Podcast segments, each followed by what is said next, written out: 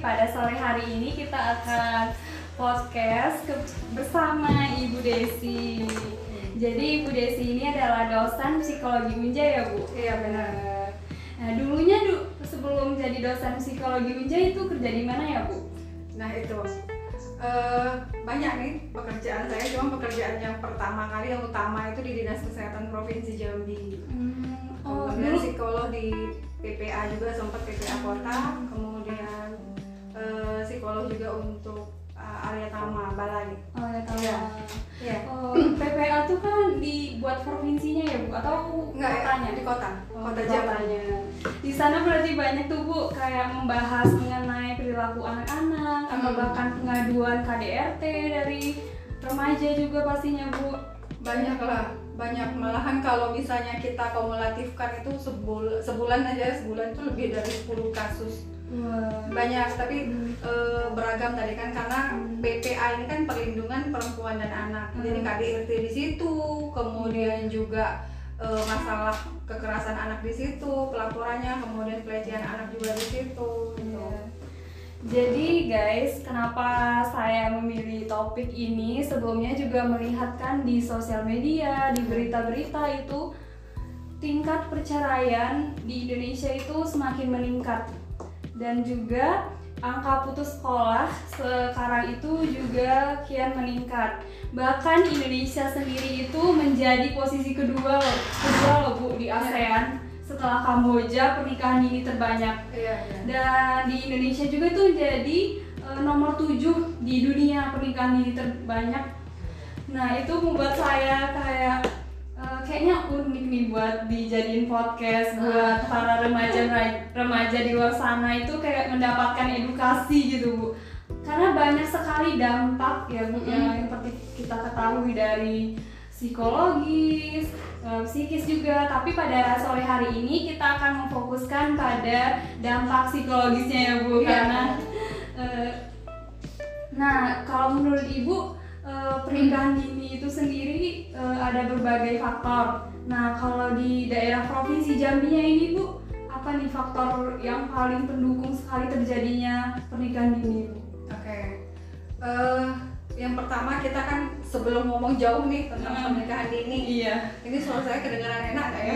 soalnya Enak kayaknya gemah gitu oke Iya. baik Eh, pernikahan ini tuh pernikahan eh, yang dilakukan oleh pasangan itu yang belum berusia sampai dengan 17 tahun Iya. itu yang namanya pernikahan dini nah kalau mungkin eh, Dinda dan teman-teman yang lain sudah tahu batas batas ya batas usia pernikah eh, usia pernikahan yang tepat yang pas untuk Iya. laki-laki dan perempuan itu kan eh, sudah tahu berapa ya Iya, Jadi untuk Nah. para remaja-remaja yang sedang mendengarkan usia yang pas untuk eh, pernikahan di Indonesia sekali di Indonesia ini eh, itu biasanya pada perempuan itu umur 21 tahun dan pada laki-lakinya 25 tahun. Jadi kalau sebelum itu kayak pikir-pikir dulu lah Ibu. Iya. Iya, jadi sama ya. Eh, jadi menurut BKKBN kan Hmm. usia pernikahan itu perempuan 21, laki-laki 25 Iya. karena dianggap usia itu semua sudah matang gitu Iya. kan.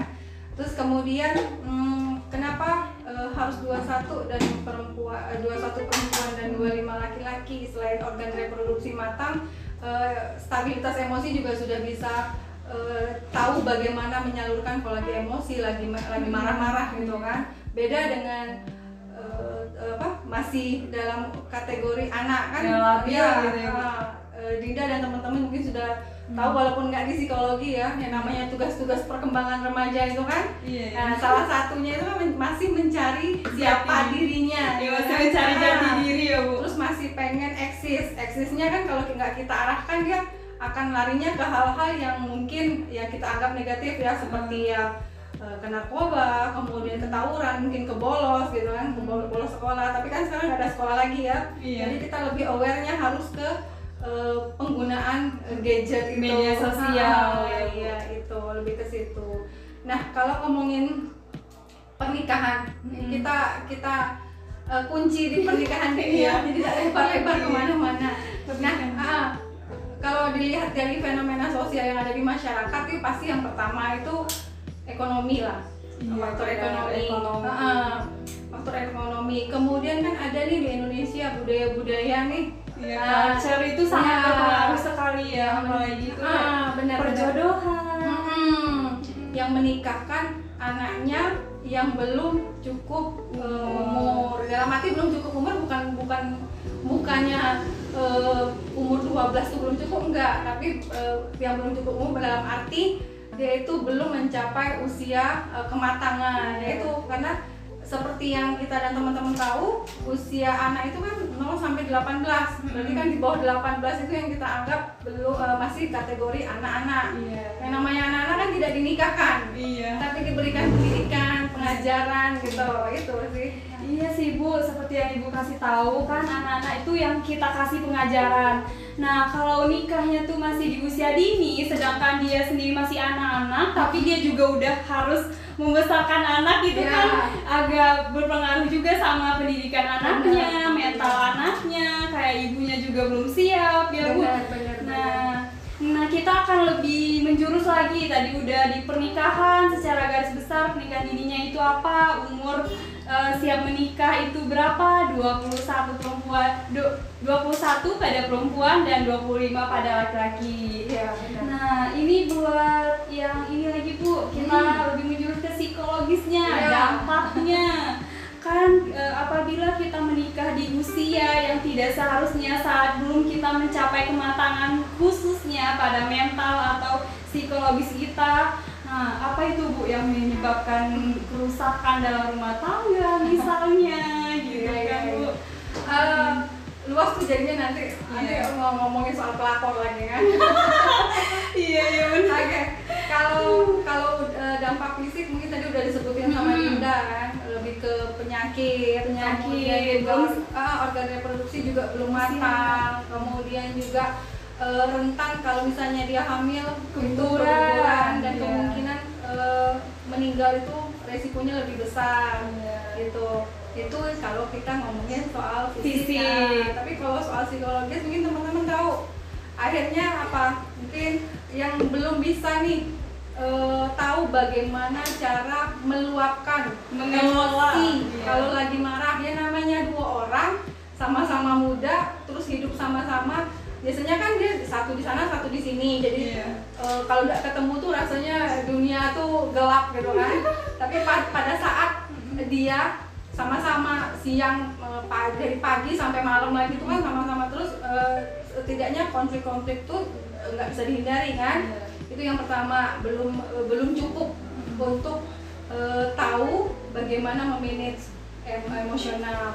Kemudian yang kedua kalau misalnya ada tekanan-tekanan dari lingkungan sosial nih tekanan-tekanan dari lingkungan sosial itu kan seperti kayak gini si anak nih yang harusnya dia masih main di luar Hmm. masih ketemu teman-temannya tahu-tahu dia udah punya istri kemudian juga eh, punya istri atau punya suami kemudian punya anak akhirnya kan jadi kayak diajak-ajak itu kan Iya. bullying gitu kan nah kalau misalnya dia menganggap itu hal yang biasa dari ejekan-ejekan temennya is, is okay gitu kan Iya. tapi kalau misalnya dia dia akhirnya berpikir dan akhirnya apa mengurung diri kan Iya. mengurung diri eh, ke depresi depresi Heeh. kan rentan sekali untuk bunuh diri kan Iya. kemudian yang lainnya apa, eh, apalagi itu KDRT Hmm, itu kecelakaan rentan. akan tinggi iya kalau udah KDRT yang namanya masih sama-sama anak tentu keluarga si suami sama keluarga istri nggak melepas tangan dong Hmm. Nah, kalau sudah keluarga ikut dalam eh, dalam masalah rumah tangga ya udah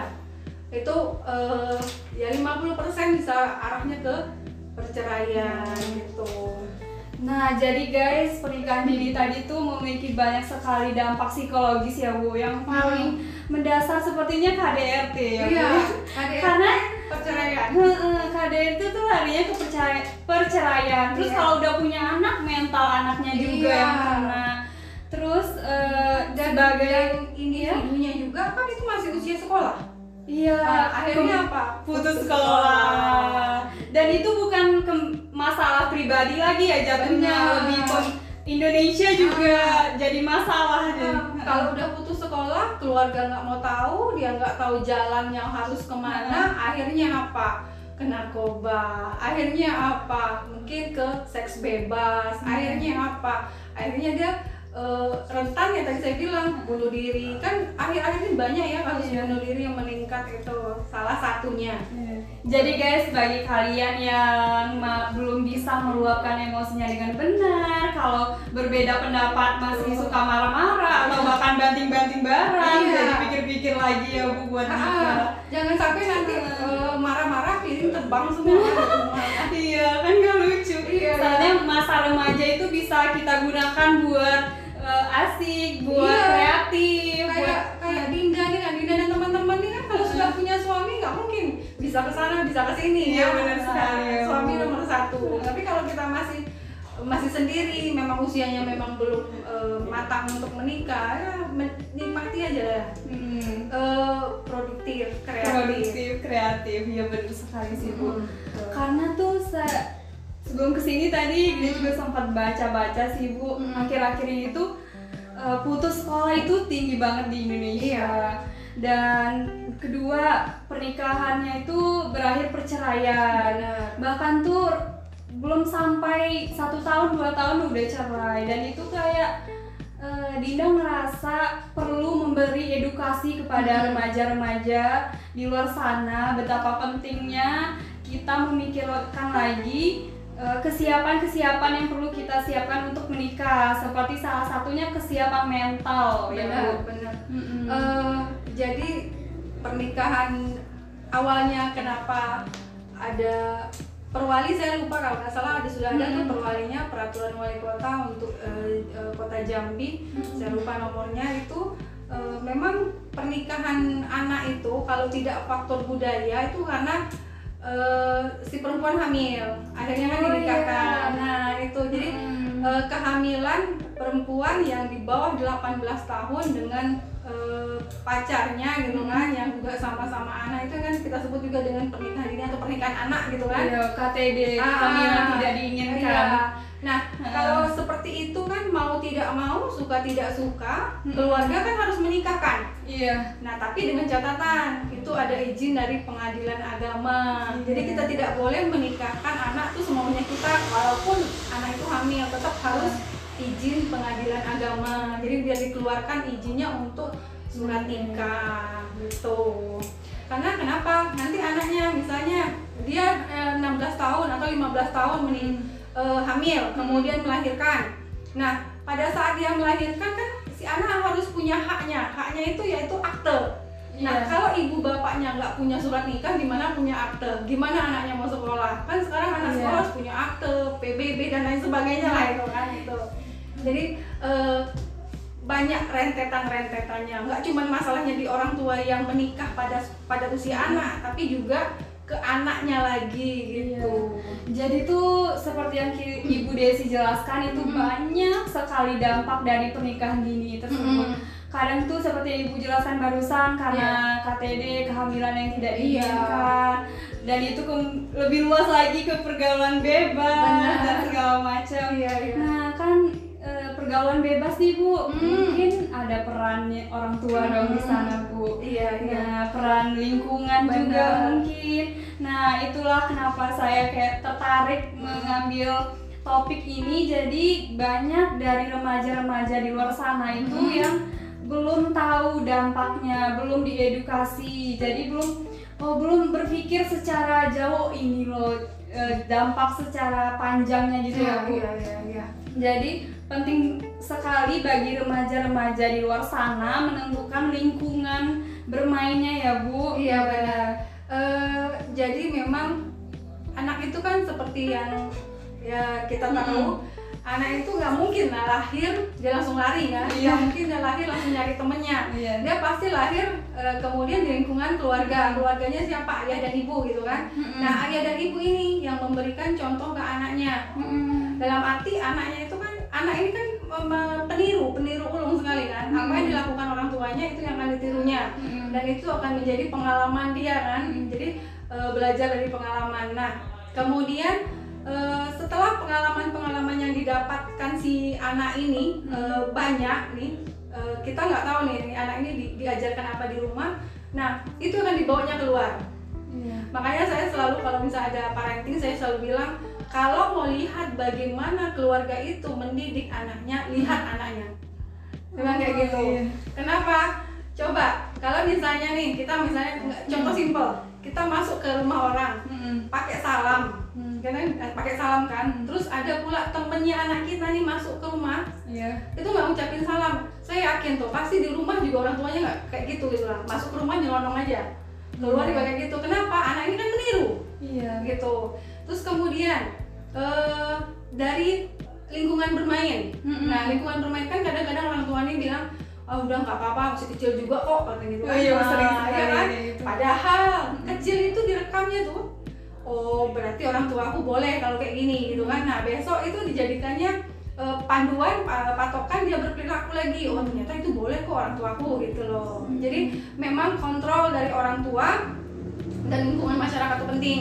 Kenapa dari orang tua? Misalnya jam malam tadi, anak boleh balik eh, boleh pulang malam jam berapa? Hmm. Saya jam 9, jam 9 nggak pulang berarti harus dicari kan? Iya. Ini kan kadang-kadang orang tua nggak tahu anaknya udah balik apa belum. Itu Iya. banyak kasus yang saya dapat orang tua tuh nggak tahu anaknya tuh di rumah atau enggak. Iya. Sampai ada baru-baru ini saya nanganin kasus anaknya itu ikut anak pang sampai ke Padang dia dia nggak tahu. Hmm, Nah. sampai segitu parahnya Sampai ya Bu. segitu. Nah itu berarti kan peran dari orang tua yang di rumah. Iya. Kemudian lingkungan. Nah lingkungan ini yang kadang-kadang "Eh, kaget kalau kita masuk ke dalam tuh ah, orang tuanya marah gitu kan. Iya. Padahal saya selalu juga bilang sama pada saat Hmm. saya parenting, teguran dari tetangga itu eh, sesuatu eh, yang harus kita terima. Dalam arti kita terima tuh yaitu masukan. Oh itu anaknya di situ gitu kan. Kalau kita kan sebagai orang tua yang anggap anak kita malaikat di rumah Iya, kan, percaya. Gak mungkin lah anak aku kayak gitu kan. Padahal, nah iya. Jadi jadi orang tua itu kalau saya pakai sistemnya lepas kepalanya, tarik buntutnya. Jadi lepas, Oh. oh, ya, jangan terlalu dilepas semua, bahaya itu. Iya. Apalagi anak-anak sekarang tengok lah kan, Hmm, ini ini tidak bisa lepas. Padahal ini ada positif, ada negatif kan. Iya. Belajar pakai handphone sekarang gitu, cuman bijak eh, penggunaan. Nah orang tua nih kadang-kadang anaknya dengan eh, megang handphone, oh tidak apa-apa, lagi belajar dia. Padahal belajar yang lain Iya. gitu. Itu salah satu. Terus kemudian eh, edukasi tadi yang seperti yang eh, Dinda bilang Hmm. edukasi. Karena mungkin eh, teman-teman juga tahu kan di sini. Jadi udah pacaran ini udah ngerasa kayak eh, kaulah milikku gitu kan. Segalanya ya gitu. Terus kemudian video call, video call. Akhirnya kan yang yang si uh, penelpon ini yang nyuruh buka ini kan di screenshotnya gitu kan. Iya. Nah itu jadikan untuk uh, kayak memeras gitu kan. Hmm. Jadi si uh, si korban nggak bisa nggak bisa ngapa-ngapain kan dia takutnya di, ditebarin gitu kan. Hmm. Itu salah satunya. Akhirnya apa terjadilah hubungan intim yang tidak diinginkan. Hmm. Nah, kalau nggak pakai pengaman lagi, kemungkinan kan hamil Iya. kemungkinan lain penyakit menular seksual. Hmm, Nah, IMS. ah, iya, kemungkinan lagi eh, lebih parah lagi menular seksualnya HIV gitu. Nah, Iya. tinggal nunggu aja kalau udah HIV itu. Karena ketahuannya agak lama ya, Iya. sampai 10 tahun Iya. lebih baru Hmm. ketahuan. Jadi itu guys, salah satu dampak terus kayak peran keluarga juga, peran Iya. lingkungan itu sangat penting sekali Benar. untuk remaja-remaja. Karena remaja itu kan masih rentan ya Bu, masih Iya. labil. Jadi Iya. mereka rasa ingin tahunya itu Ah. tinggi. Pengen coba ini, coba itu. Nah, itu tugas kita sebagai orang tua mengawasi dari anak-anak kita, ngasih batasan-batasan atau aturan-aturan Iya. apa yang benar. Hmm. Nah, terus sebagai lingkungan juga kita juga sebagai remaja maksudnya Benar. harus tahu lingkungan yang baik dan tidak baik. Mhm. Jangan sampai itu menjerumuskan kita. Iya. Nah, soalnya remaja itu ya Bu, menurut saya itu sebagai fondasi kita di masa depan. Kayak Iya. kita mempersiapkan masa depan kita itu dari saat remaja. Masa remaja itu adalah masa peralihan, Hmm. transisi antara masa ke masa dewasa. Jadi itu kan sangat penting. Bagaimana kita di masa depan itu ditentukan di Iya. masa sekarang. Coba bayangin nih bagi kalian-kalian yang udah menikah, yang sudah terjerumus pergaulan bebas, mungkin ada bisa di masa depan kalian ingin kayak mengubah diri, tapi itu kemungkinan kecil nggak sih bu? Jadi tuh kayak kita di masa remaja itu sangat penting sekali untuk uh, berbuat kreatif, Hmm. inovatif. Ada banyak sekali hal-hal yang Iya. bisa kita lakukan di masa remaja. Banyak Hmm, banyak sekali banyak sekali Kadang, ya, Bu. eh, remaja itu kan sekarang eh, sampai dengan 18 itu masih kita Hmm. bilang remaja nah kalau udah seusia saya mau eh, jingkrak-jingkrak kan nggak mungkin itu malu sama umur terus kemudian kita jangan sampai nanti eh, kita lost dem eh, lost eh, ini eh, kehilangan eh, Jati penerus Hmm, kehilangan penerus. Nah, karena iya. karena nggak mungkin kan saya ini segini terus kan saya sih Iya. berharapnya saya segini terus gitu kan Usia ini terus tapi kan nggak kita kan semakin tua nah yang muda-muda ini yang akan menggantikan kita Sebagai sekarang. agen of change ya, Bu. nah kalau misalnya kalau misalnya nih remaja kita ini sudah ya sudah istilahnya tuh sudah mungkin eh, kebobrokan gitu kan siapa lagi nanti penerus bangsa ini jadi memang usia sasarannya itu ya anak dan remaja. Jadi itu tadi guys, penting sekali bagi kita para remaja-remaja di luar sana yang memperhatikan lingkungannya. Benar. Karena lingkungan itu Bu sangat rentan sekali ya bagi Hmm. remaja. Apalagi tuh remaja-remaja labil di luar. Iya. Kalau ini ya istilah kerennya tuh ababil ya. Ababil, iya. Iya. Padahal eh, itu balik-balik lagi ke keluarga. Hmm. Memang semuanya itu di keluarga, di ketahanan keluarga. Karena anak itu nggak mungkin dia seperti itu kalau keluarganya baik-baik saja. Hmm. Paling gejolak-gejolak itu ada, tapi dia tahu bagaimana mengarahkannya. Hmm, cara Nggak- mengatasinya. Dan iya, nggak mungkin lah kita eh, punya anak itu yang stabil aja. Pasti ada kan gejolak-gejolaknya. Itu Malah kan kalau stabil aja tuh patut dipertanyakan Iya. kan dari sisi Oh, psikologis. bukan lagi. Iya. Masalahnya kan sekarang ini eh, kita harus lebih aware kan yang tadinya dia ceria terus kok tiba-tiba diam, terus Iya. kemudian yang tadinya diam kok tiba-tiba kok pecicilan gitu kan ada apa Iya. gitu. Nah, itu Kayak perubahan yang signifikan kita Iya. sebagai orang tua tuh harus aware sekali ya harus lah. Nah, namanya anak kita kok. Iya. Jadi itu tadi guys betapa eh, banyak sekali dampak-dampak dari pernikahan dini. Dari pernikahan dini itu bisa men- eh, menjurus ke pergaulan bebas, terus eh, kesehatan mental ibu dan anaknya. Iya, Bahkan benar. kalau dari sisi fisik tadi bisa mengalami keguguran. Benar, iya benar-benar. Jadi guys, buat remaja-remaja di luar sana, mungkin eh, pesan terakhir dari saya dan Ibu Desi selaku saya selaku psikolog ya Bu. Ibu psikolog pendidikan kan Bu? Iya. Nah ini psikolog pendidikan. Terus eh, berhati-hatilah memilih lingkungan sih kalau Dinda Bu. Bagaimana kita menempatkan diri sebagai remaja, memilih lingkungan yang sehat. Karena masa remaja itu tidak akan terulang kembali. Benar. Jadi lebih baik kita berbuat yang inovatif, kreatif, atau apa pun Produktif. ya produktif atau apa pun hal-hal yang bisa menunjang kita di masa depan. Mm-mm. Ya Bu? Iya benar Nah, itu. kalau menurut itu- Ibu gimana nih? Eh, itu yang dari Dinda itu eh, preventif ya. Iya. Nah, nah, tapi nanti kalau misalnya sudah terlanjur, itu datanglah ke ahlinya. Iya, Kita- datanglah ke Iya. ahlinya. Banyak sudah psikolog di Jambi ini Iya. kan. Nah, di Jambi ini eh, psikolog banyak itu untuk memfasilitasi teman-teman yang remaja gitu. Atau bisa juga kalau misalnya di kampus, misalnya masih eh, malu nih ke psikolog Iya. atau apa, bisa ke peer counselor. Benar. Universitas Jambi juga menyediakan layanan peer counselor. Oke. Iya. Ini eh, kenapa jadi kayak gini? Mungkin itu aja dari Iya. kita dulu.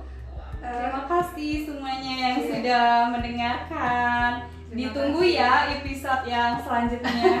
dengan judul yang berbeda. Iya. Oke, terima kasih. Wassalamualaikum. Assalamualaikum warahmatullahi wabarakatuh.